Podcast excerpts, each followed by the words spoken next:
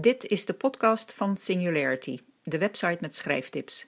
www.singularity.nl Deze podcast gaat over het inciting moment. In een eerdere podcast vertelde ik je over wat het inciting moment is, wanneer je het kan laten optreden en hoe groot of juist klein het kan zijn.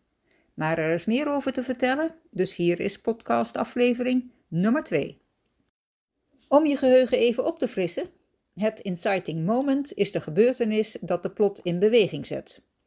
Het probleem of conflict meldt zich en het verhaal begint nu echt. Als een vliegtuig dat de neus opheft en loskomt van de grond. The point of no return. In de eerste podcast gaf ik je een paar voorbeelden van het inciting moment in boeken en films. Je vindt ze ook in het eerste artikel over het inciting moment op de website. Een effectief inciting moment maakt je lezer begeerig naar wat er verder gaat gebeuren. Met welke ingrediënten kun je zo'n effectieve plotstart bereiden? Ik geef je er hier drie. En als eerste in media res. In media res is een techniek waarbij je je boek begint met een spannend deel van het verhaal, meestal ergens in het midden.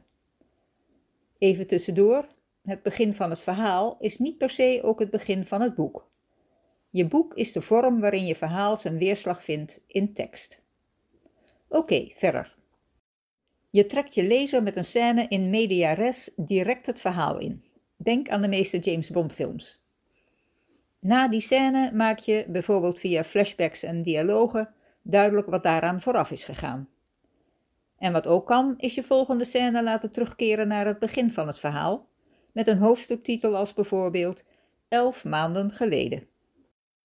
Een scène in media res hoeft niet het inciting moment te zijn.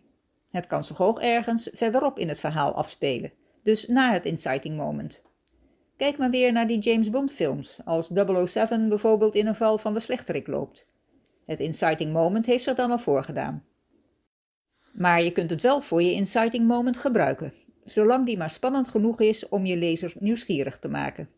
Want dat is de belangrijkste taak van de scène waarmee je je boek begint. Volgende ingrediënt: roep vragen op. Laat je inciting moment vragen uitlokken die ervoor zorgen dat je lezer verwachtingsvol verder leest, voor de antwoorden.